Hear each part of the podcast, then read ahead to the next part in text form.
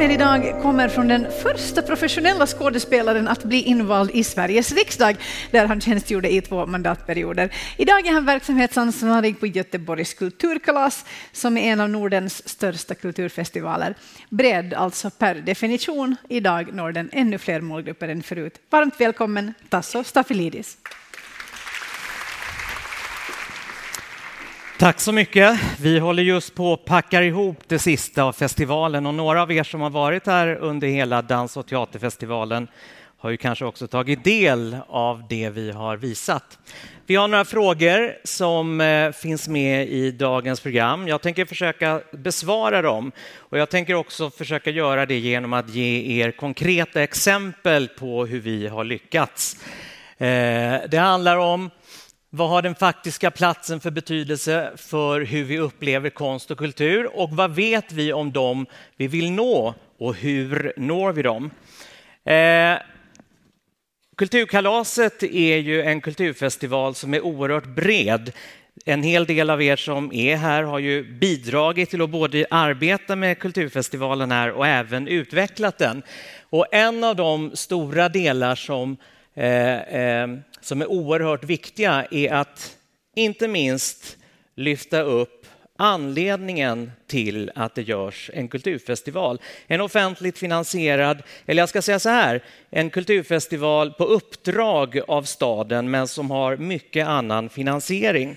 För två år sedan så var det kulturministern som invigde kulturfestivalen. I förra året så var det näringsministern och i år så var det poeten, den 16-åriga poeten Eh, från Hammarkullen, Jasmin Omar. Och hon hade skrivit en dikt om sitt liv. Och det var den dikten som fick inviga hela kulturfestivalen. Självklart så hade jag ju även kommunstyrelsens ordförande på plats. Jag bad Jasmin berätta om sin dröm, om sin framtidsdröm. När Jasmin hade gjort det så tittade jag på, kultur, eller på kommunstyrelsens ordförande och frågade henne hur kommer du och dina politikerkollegor att uppfylla Jasmins dröm? Och vi fick ett svar. Det som är oerhört viktigt med vår kulturfestival, det här är för övrigt utdrag ur programmet. Här ser ni ett av de stora namnen i årets program, Arne Brun med Göteborgs symfoniker. Men vi jobbade oerhört hårt för att skapa ett brett programutbud som inte enbart baseras på det som vi själva vill ha, utan som i stort sett baseras på allt det som våra över 200 samarbetspartners presenterar. Kulturkalaset är alltså en plattform för kulturlivet i Göteborg, i Västra Götalandsregionen. Vi bokar kanske mellan 10 till 20 procent av det program som vi presenterar. De övriga 80 till 90 procenten skapas alltså och presenteras av det aktiva kulturliv, institutioner, fria grupper, enskilda utövare. Jag påstår att det är möjligt att förändra. Och eh, en av de frågorna som jag ställde mig när jag tog över ansvaret för Kulturfestivalen 2012, det var vilka är det vi når? Vi visste ju redan från början att vi når en väldigt stor mängd av stadens invånare. Vi visste också att vi når väldigt många besökare. Men det var ändå väldigt svårt att peka ut vilka exakt det är vi når. Vi nådde ju alla, alla från alla stadsdelarna, alla från olika samhällsklasser och socioekonomisk bakgrund, etnisk bakgrund och så vidare. Alla fanns representerade. Då är ju frågan, då kunde jag satt mig ner i en soffa och tänkt att det här är ju redan så bra. Jag gjorde inte det. Utan jag ställde mig frågan, hur kan en kulturfestival arbeta för ett jämlikt Göteborg utöver att lyfta fram konsten och kulturen? För det är ju det som är vårt grunduppdrag. Hur kan vi då använda det här när vi redan har det? Vad kan vi få för effekter genom att presentera högkvalitativ konst och kultur? Kan en kulturfestival eller en konstnärlig verksamhet bidra till att bryta segregationen? Vad säger ni? Ja, är det någon som inte tror på det? Nämen, oj, oj, oj. Det här blir ju bra. Och då är ju frågan, vad kan vi göra? Så här har vi gjort. Det här är siffror från tidigare år. Vi har ju precis hållit på att packa ihop så jag har ju inte de helt aktuella siffrorna för allting. Men ni ser att vi har ungefär 1,5 miljoner besök under de här sex dagarna. Förra året när vi hade fem dagar så var det 1,1 miljoner besök. 42 festivalplatser. I år så blev de 52 festivalplatser. Vi bygger själva upp cirka 10 ute på stan. Alla andra är ju platser som redan är befintliga hemma hos kulturinstitutioner, hemma hos fria grupper och vad det nu kan vara. Mellan 2800 och 4000 medverkande på scenerna under de här dagarna. Och så skulle jag vilja att ni tittar speciellt på de här siffrorna. 78 procent av besökarna uppger att de känner att de vill göra fler kulturbesök under året efter att ha varit på Kulturkalaset. Det är ett av de absolut viktigaste uppdragen som vi har som kulturfestival med fri entré för alla. Nämligen att se till att öka intresset för det som kommer resten av året. Att vara den inspirationskälla som gör att människor vågar få eller vågar besöka eh, kulturinstitutioner och kulturupplevelser under resten av året. Ett uppdrag att sänka trösklarna. Jag kommer att komma tillbaka till några av de här siffrorna. Vi har ju givetvis en hållbarhetspolicy och den är viktig för mig, men vi hoppar över den här. Nu har ni sett den. Vad finns som är enklare än att säga hej. Att se varandra i ögonen och säga hej. Det är kanske den enklaste metoden för att riva de murar som finns mellan oss människor. Det tog vi fasta på för fyra år sedan. Vi bytte inte, vi har fortsatt att uppmana människor att hälsa på varandra. Så finns det, någon sam, finns det någon motsättning, jag trycker och trycker, jag ska kanske peka dit ser jag nu. Finns det någon motsättning eh, mellan samhällsnytta och konstnärliga val eller den konstnärliga kvaliteten? Under mina år inom scenkonsten så har just det här varit den största rädslan. Nej, men det där kan inte vi göra. Vi kan inte uppfylla Kulturrådets alla krav och vi kan inte uppfylla det här och det här. Vi vill vara konstnärligt fria. Vi ska inte ha en massa krav på oss i vårt konstnärliga skapande. Och det är precis här jag menar att det är inte det det handlar om. Utan det handlar om när vi väl har skapat. Hur använder vi den konsten som vi har skapat för att just uppnå målen? Inte att göra en föreställning för att, utan när vi väl har föreställningen och konstverket, hur kan vi använda det och på vilka sätt kan vi få effekter? Under de här fyra åren så har vi fått barn och ungdomar från olika stadsdelar i Göteborg att mötas över sina stadsdelsgränser. Barn som verkligen kommer från olika förhållanden. Där barn från rika områden får ta spårvagnen i 45 minuter till en skola som är helt nersliten i förhållande till deras egen. Får möta kompisar som de aldrig annars skulle möta och dessutom få skapa mosaik och konstverk tillsammans. Innan ni lämnar Göteborg så skulle jag vilja att ni bara går rakt över bron som är här ute och över till Kungstorget. Där ser ni en mur. Hela den muren är klädd av den mosaik som de här barnen har skapat. Vi har låtit barnen nu få en tillhörighet till sin egen stad där vissa barn aldrig någonsin hade satt sin fot i innerstaden, där vissa barn inte ens hade någon tillhörighet till det som är det gemensamma, till det som får människor att prata om, men det där är ju Göteborg, vem är Poseidon? Var ligger Götaplatsen? Har ni också möjlighet så får ni även gå in på Youtube och titta på de dokumentärfilmer som vi har gjort om det här arbetet. Sök efter Säg hej i tusentals del bitar och Säg hej i tusentals bitar del två. Och Eh, Eh, jag hinner inte visa det nu, men gå in och titta där och hör barnen själva berätta. När de möts och de berättar, alla går på svenska skolor och vissa barnen säger att på min skola pratar vi bara arabiska, men här, här har vi fått prata svenska. Vi pratar bara svenska. Och andra barn som säger att jag är inte van att prata med folk jag inte känner, men det här var ju jättekul. Och en flicka som säger att här har jag fått en vän för livet. Om vi inte börjar med barnen, då har vi inte heller någon möjlighet att kunna förändra när det är vuxna. Det är hos barnen vi måste hjälpas åt att riva de här murarna som vi vuxna bygger upp.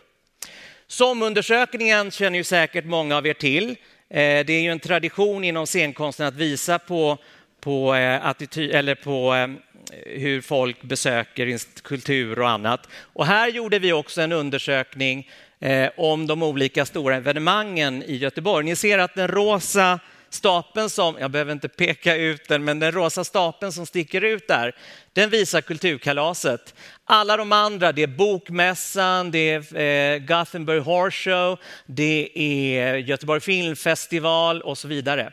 Och här ser ni att 51 procent av göteborgarna besöker den här kulturfestivalen. 51 procent av invånarna i Sveriges andra största stad. Och vilka är de då? Här ser vi också på stapeln, eller här borta så ser vi att det är alltså en väldigt stor del, det är uppemot 50 procent av alla olika stadsdelar som kommer hit. Och här nere ser ni att det är också en väldigt bred blandning av åldrarna. Och här ser ni också att utbildningsnivån är också bred. Vi har alltså besökare från alla olika samhällsklasser från alla olika områden och med alla olika bakgrunder. Kan man inte nöja sig med det då? Nej, jag kunde inte det. Utan jag frågade mig ändå, vad är det, vilka är det vi inte når? Här ser ni också lite av de besök som vi har på Kulturkalaset, var de kommer ifrån, men också att de här 1,1 miljonerna besök förra året är då 418 000 besökare. 75 000 från övriga Västra Götalands län, 42 000 från övriga Sverige och 21 000 från utlandet. Jag är givetvis stolt över de här siffrorna, men det här är inte siffror som bara har dykt upp. Givetvis har det funnits ett grundarbete, men det som vi var väldigt dåliga på, det var att visa dem, eller rättare sagt att vi inte hade metoder. Så det jag satte igång med det var att hitta metoder för hur skulle vi mäta, hur skulle vi jobba, hur skulle mina producenter kunna boka utifrån en mångfald. Och där sa du något bra förut, att vi uppfinner inte hjulet på nytt. Vi kan ju använda diskrimineringslagstiftningen med diskrimineringsgrunderna.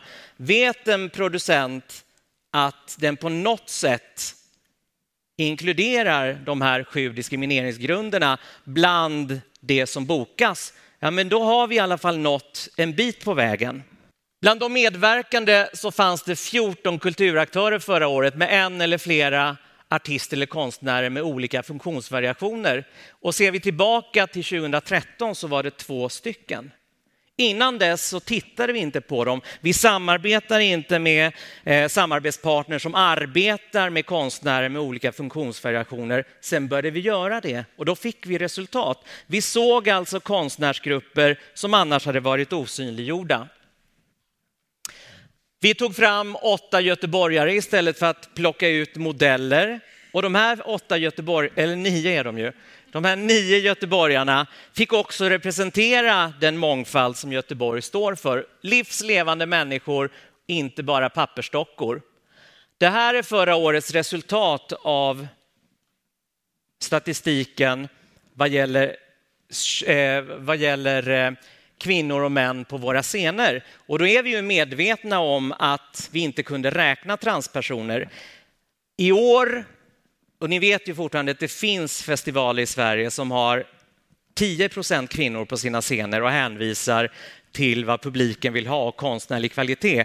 Det är skitsnack. Vi vet dessutom att många konstnärer inte definierar sig som män och kvinnor, men vi hade inga verktyg för det. I år ska det bli väldigt spännande, för nu har alla artistansvariga fått i uppdrag att låta artisterna själva få definiera sig.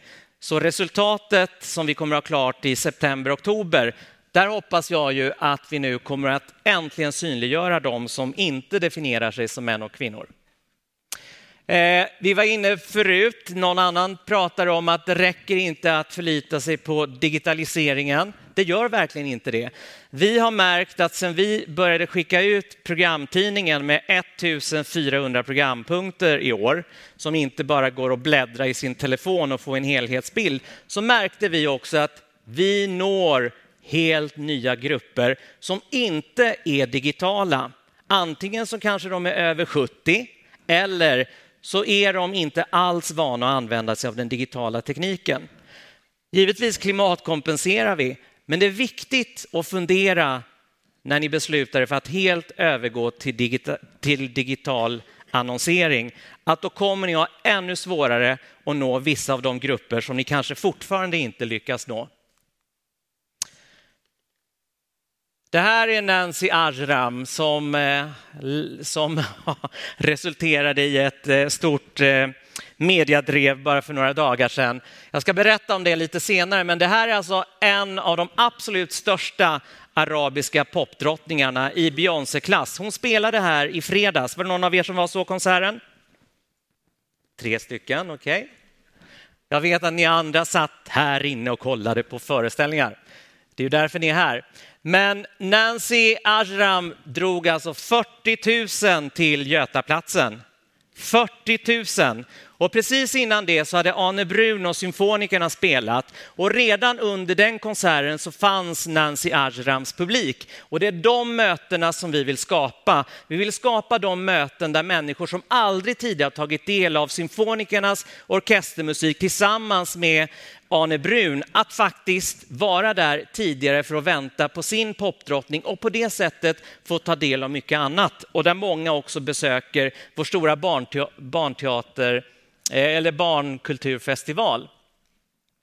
Det här är resultat. Min tid springer iväg så jag ska snabbt dra igenom det som är det viktigaste. Här ser ni väldigt tydligt att det är en enorm bredd och det skiljer sig också på eh, modersmål, alltså bakgrund och eh, eh det, det skiljer sig på kulturfrekvens mellan de övriga kulturkalasbesökarna längst till höger och de besökarna som har varit på de tre första eh, arabiska superstarsen som vi har haft här. Förra året så gjorde vi ett genomslag. Vad betyder det här? Jo, det här skulle jag vilja påstå är integration på riktigt. Det visar alltså under de första två åren så gjorde de här Eh, den här publiken, bara 30 till 40 procent av den här publiken gjorde aldrig några kulturbesök under året. Förra året så sjönk den siffran till 11 procent. Det betyder alltså att den här publiken nu gör fler kulturbesök. De besöker teatrar, biografer, stadsbibliotek. De går på, eh, på dans, de går på opera och på det sättet så använder de sitt språk. De umgås i samhället. De tar del av den information, de interagerar, de möter människor och framförallt får utvecklas i det samhälle som de lever i. Och det det är kanske ett av de svåraste, eller i alla fall så säger politikerna idag att det är den, den mest eh, att det är den största utmaningen inom svensk politik. Här ser vi att konst och kultur kan bidra till förändring. Barnens kulturkalas där vi, har, där vi under väldigt lång tid har arbetat med att se till att hela verksamheten är eh, tillgänglig för alla barn, oavsett om barnen har funktionsvariationer, så har vi under tre år gjort ett utvecklingsarbete tillsammans med Kultur i Väst. Och nu finns den här eh, dokumentationen med tips till alla er andra hur ni kan göra er eh, verksamhet tillgänglig för alla barn, oavsett om någon sitter i rullstol eller har en synskada eller vad det nu kan vara. Ladda ner den på Kultur i Västs hemsida.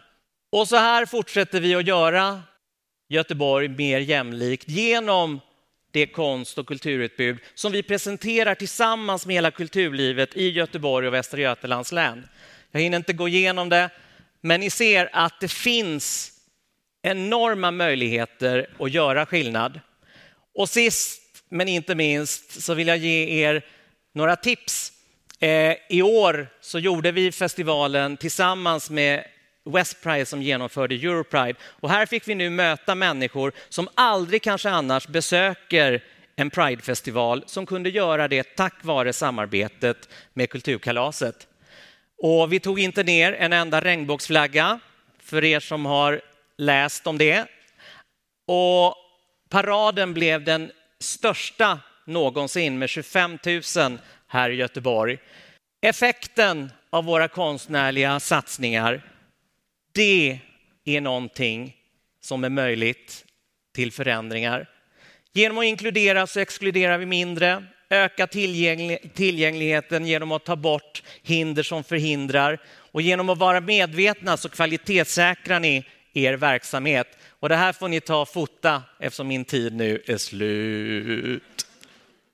Dela med er av era erfarenheter, det är det viktigaste. Se till Ibland kanske ni inte behöver åka till New York eller Chicago, utan det finns kanske i rummet bredvid. Lyssna på era kollegor, lyssna på dem ni samarbetar med och försök utveckla er verksamhet. Att systematisera betyder inte att ni måste ta in en, en enorm stor eh, apparat i, i, i organisationen. Det räcker bara att ni åtminstone börjar med att upprepa det ni gör, att utvärdera det, kolla vad som blev bra och dåligt, förändra och gör igen. Tack ska ni ha.